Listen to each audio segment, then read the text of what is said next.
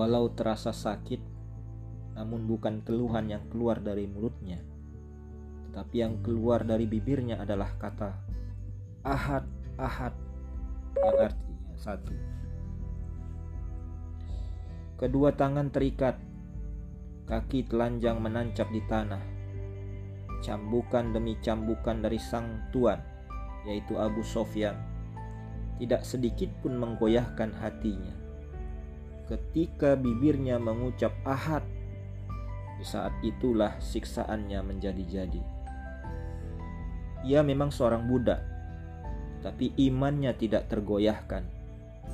Baru saja mengenal Islam, tapi jiwa keislamannya begitu melekat, sehingga siksaan yang ia terima tidak mampu melunturkan imannya kepada Allah Subhanahu wa Ta'ala. Siapakah dia? Dialah Bilal, budak hitam milik Abu Sofyan, seorang yang terpandang dari kelompok elit di kota Mekah. Sebagai seorang yang dianggap berpengaruh di kota Mekah, Abu Sofyan merasa terpukul dengan berimannya Bilal dan menjadi pengikut Rasulullah Shallallahu Alaihi Wasallam. Maka ia lalu menyiksa Bilal di tengah padang pasir yang sangat panas agar Bilal mau kembali memeluk kepercayaan sebelumnya. Tapi Bilal tetap istiqomah walaupun cobaan yang dihadapinya sangat menyakitkan. Sebuah bentuk ketawitan yang tulus dari hamba Allah yang begitu yakin dan setia bahwa tidak ada yang bisa memalingkan hatinya dari buah keimanan yang telah ia dapatkan. Memang dalam menggapai nikmatnya iman, terkadang seorang hamba harus melewati proses percobaan yang sangat berbeda. Ada yang dicoba dengan penderitaan, dan ada yang dicoba dengan kesenangan. Allah Subhanahu wa Ta'ala berfirman di dalam surah Al-Baqarah ayat 214. Apakah kamu mengira bahwa kamu akan masuk surga padahal belum datang kepadamu cobaan sebagaimana halnya orang-orang terdahulu sebelum kamu?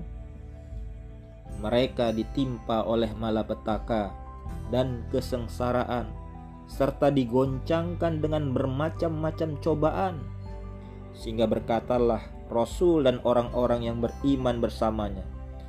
Bilakah datangnya pertolongan Allah?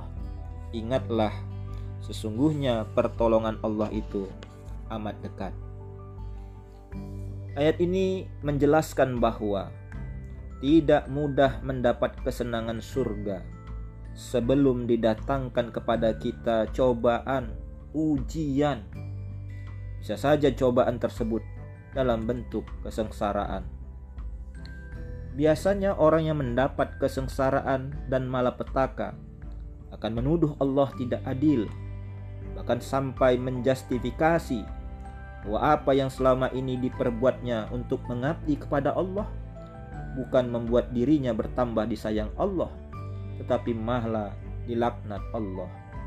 Sehingga ada perasaan lebih baik berbuat tidak baik daripada berbuat baik tapi masih diberi kesengsaraan dan malapetaka. Na'udzubillah min salik. Allah memberi cobaan kepada hambanya. Bukan berarti Allah tidak sayang. Namun sebagai ujian, apakah kita benar-benar bisa menjaga keimanan atau tidak? Atau menguji kita. Apakah ibadah yang kita lakukan selama ini memang murni, tulus, ikhlas untuk dirinya, atau hanya untuk orang lain?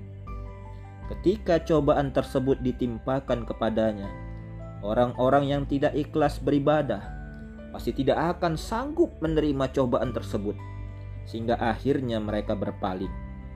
Tetapi jika ujian tersebut ditimpakan kepada mereka yang ikhlas dan sabar menerima cobaan tersebut, Allah pasti akan membalas keikhlasan dan kesabaran orang tersebut seperti apa yang dilakukan Bilal dan para sahabat-sahabatnya Rasulullah Shallallahu Alaihi Wasallam walanabluwannakum bisyai'in minal khawf wal ju' wa naqsim minal amwal wal anfus was samarat wa basyiris sabirin dan sungguh akan kami berikan cobaan kepadamu dengan sedikit ketakutan, kelaparan, kekurangan harta, jiwa dan buah-buahan dan berikanlah berita gembira pada orang-orang yang sabar.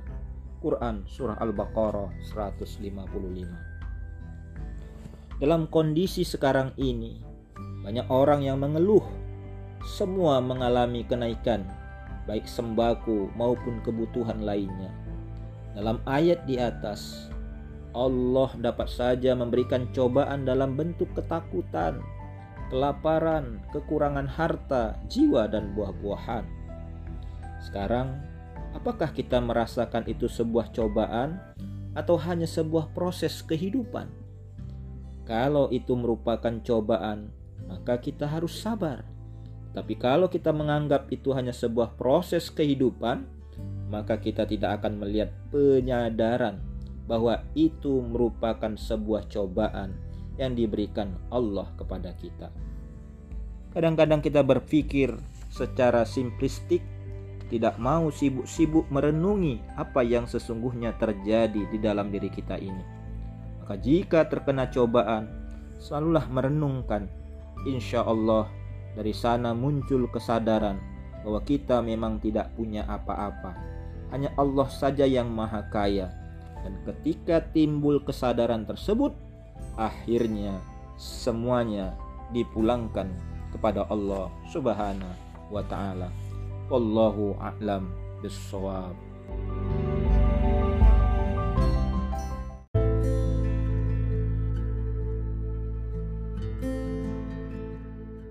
Assalamualaikum warahmatullahi wabarakatuh. Hamdan wa syukrolillah wa salaman ala rasulillah wa ala alihi wa sahbihi wa mawalah. Puji dan syukur kita panjatkan kepada Allah Subhanahu wa taala atas segala nikmat yang Allah berikan kepada kita. Terutama nikmat iman dan Islam. Selawat dan salam kita sampaikan kepada junjungan kita Nabi besar Muhammad sallallahu alaihi wasallam. Ada sebuah pertanyaan yang menarik yaitu kapan maut datang? Kebanyakan manusia ingin terhindar dari maut. Tapi keinginan untuk menghindar dari kematian tak akan mungkin itu tercapai. Kematian tepatnya datang sesuai dengan ketetapan Allah. Bila ajal seseorang datang, maka tak seorang pun mampu untuk memajukan atau menunda sekalipun sedetik. Allah Subhanahu wa taala berfirman, "Qul innal mautal ladzi tafirruna minhu fa innahu mulaqikum." Katakanlah Sesungguhnya kematian yang kamu lari daripadanya, maka sesungguhnya kematian itu akan menemui kamu. Quran Surah Al-Jum'ah ayat 8 Kemudian firman Allah yang lain Bismillahirrahmanirrahim Wa ma kana linafsin antamuta illa biiznillah kitabam muajjala Sesungguhnya yang bernyawa tidak akan mati Melainkan dengan izin Allah Sebagaimana ketetapan yang tertentu waktunya. Dari dua ayat ini jelas bahwa ketika kita bicara tentang kematian, maka tidak ada waktu kita untuk menunda-nunda. Ketika kematian itu datang, maka di situlah antara ruh dan jasad akan berpisah. Walaupun kita banyak uang, punya harta, punya tahta, maka semuanya itu tidak memungkinkan kita untuk menunda-nunda kematian. Karena itulah seseorang tentunya harus meyakini bahwa satu saat dia akan meninggalkan dunia ini. Yakin dan percayalah bahwa kematian itu akan datang untuk siapa saja yang punya nyawa kullu nafsin maut. Tiap-tiap yang bernyawa pasti akan merasakan kematian. Nah, dalam konteks inilah saya mengingatkan kita bersama bahwa mari kita ingat akan kematian tapi jangan kita berdoa untuk cepat mati. Karena mati itu pasti. Nah, ketika kita berada di dunia ini, kita harus banyak amal agar ketika kematian datang, maka kita tidak akan menyesal kemudian. Terima kasih. Assalamualaikum warahmatullahi wabarakatuh. Assalamualaikum warahmatullahi wabarakatuh. Kali ini pelajaran dari langit mencoba membahas tentang sahabat dan teman. Para pendengar sekalian, manusia hidup memerlukan teman.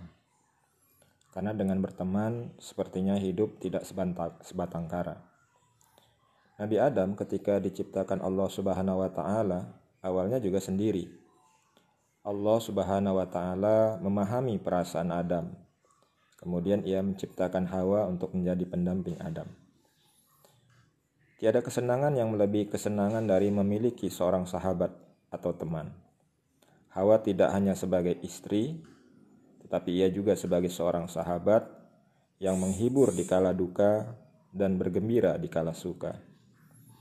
Wa kulna ya Adam anta wa zawjukal jannah wa kula minha raghadan haitsu syi'tuma wa la taqraba hadhihi syajarah fatakuna minaz zalimin.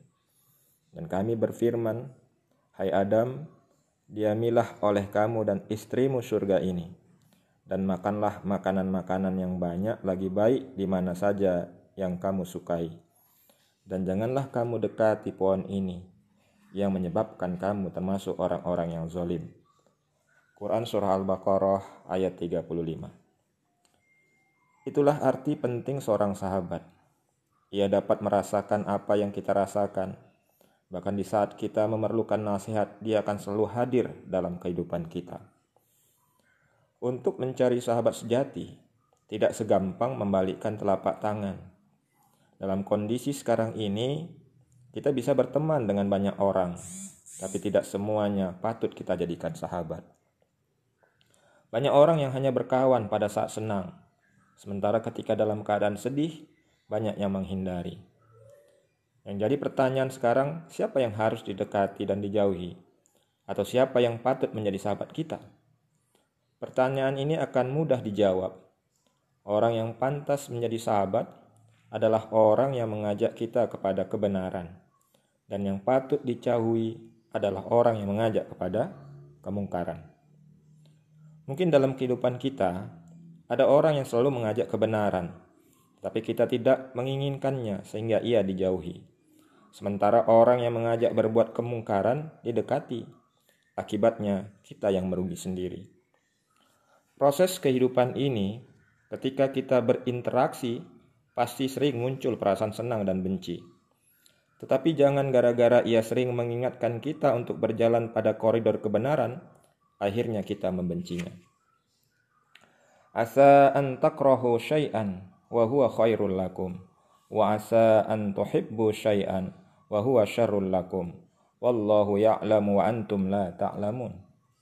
Boleh jadi kamu membenci sesuatu, padahal dia amat baik bagimu. Dan boleh jadi juga kamu menyukai sesuatu, padahal ia amat buruk bagimu. Allah mengetahui, sedangkan kamu tidak mengetahui. Al-Baqarah ayat 216 Bila dihitung-hitung, banyak sekali teman yang pernah hadir di dalam hidup kita. Mulai teman bermain ketika kecil, teman di sekolah dasar, menengah atas, hingga perguruan tinggi, bahkan teman kerja. Tetapi pernahkah terlintas dalam pikiran kita, apakah mereka patut dikatakan sahabat sejati atau sahabat sehati? Kalau sahabat sejati, pasti kita akan terus berhubungan sampai saat ini. Walaupun kita berjauhan, tetapi tetap dekat di hati. Tetapi kalau teman sehati, maka jika hati kita terluka, tidak ada lagi kata pertemanan dengan dirinya. Sahabat sejati inilah yang sulit kita dapatkan saat ini.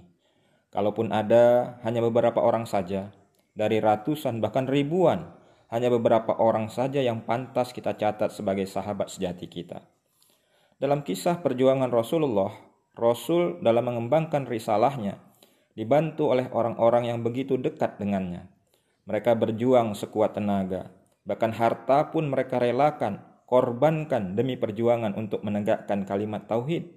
Mereka dikenal dengan panggilan sahabat Rasulullah. Mereka merupakan bagian hidup dari Rasulullah. Mereka tidak gentar ketika harus mengorbankan dirinya. Lihat saja Abu Bakar bin Siddiq, Abu Bakar Siddiq, Umar bin Khattab, Utsman bin Affan, Ali bin Abi Thalib dan nama-nama lainnya yang menghiasi kehidupan Rasulullah Sallallahu Alaihi Wasallam. Mereka patut dikatakan sahabat karena jiwa dan raganya benar-benar digadaikannya demi perjuangan Rasulullah Sallallahu Alaihi Wasallam. Namun saat ini agaknya terlalu susah untuk menyandingkan beberapa teman kita menjadi sahabat. Makanya ada semacam kiasan mencari teman tertawa banyak namun mencari teman menangis yang sulit. Ini artinya banyak orang yang mau berteman kepada kita ketika kita dalam keadaan senang saja. Tetapi bila dalam keadaan sulit, satu persatu mereka lari dari kehidupan kita. Tidak seperti sahabat-sahabat Rasulullah Shallallahu Alaihi Wasallam, di mana mereka tetap bersama walaupun pada saat Rasulullah suka maupun duka. Yahya bin Abi Qasir mengatakan, Jangan kamu menetapkan penilaian terhadap seseorang sampai kamu memperhatikan siapa yang menjadi sahabatnya. Hal yang sama juga diungkapkan oleh Qatadah. Sesungguhnya kami demi Allah belum pernah melihat seseorang menjadi teman buat dirinya kecuali yang memang menyerupai dia. Maka bertemanlah dengan orang-orang yang soleh dari hamba-hamba Allah agar kamu digolongkan dengan mereka atau menjadi seperti mereka. Oleh karena itu, teman bukan berarti sahabat, tetapi sahabat sudah pasti teman. Maka carilah sahabat kita yang benar-benar mendorong diri kita untuk selalu ingat kepada Allah dan mengingatkan diri kita pada saat kita lupa. Karena sahabat sejati adalah seorang yang menginginkan diri kita selalu dalam lindungan Allah Subhanahu wa taala. Assalamualaikum warahmatullahi wabarakatuh.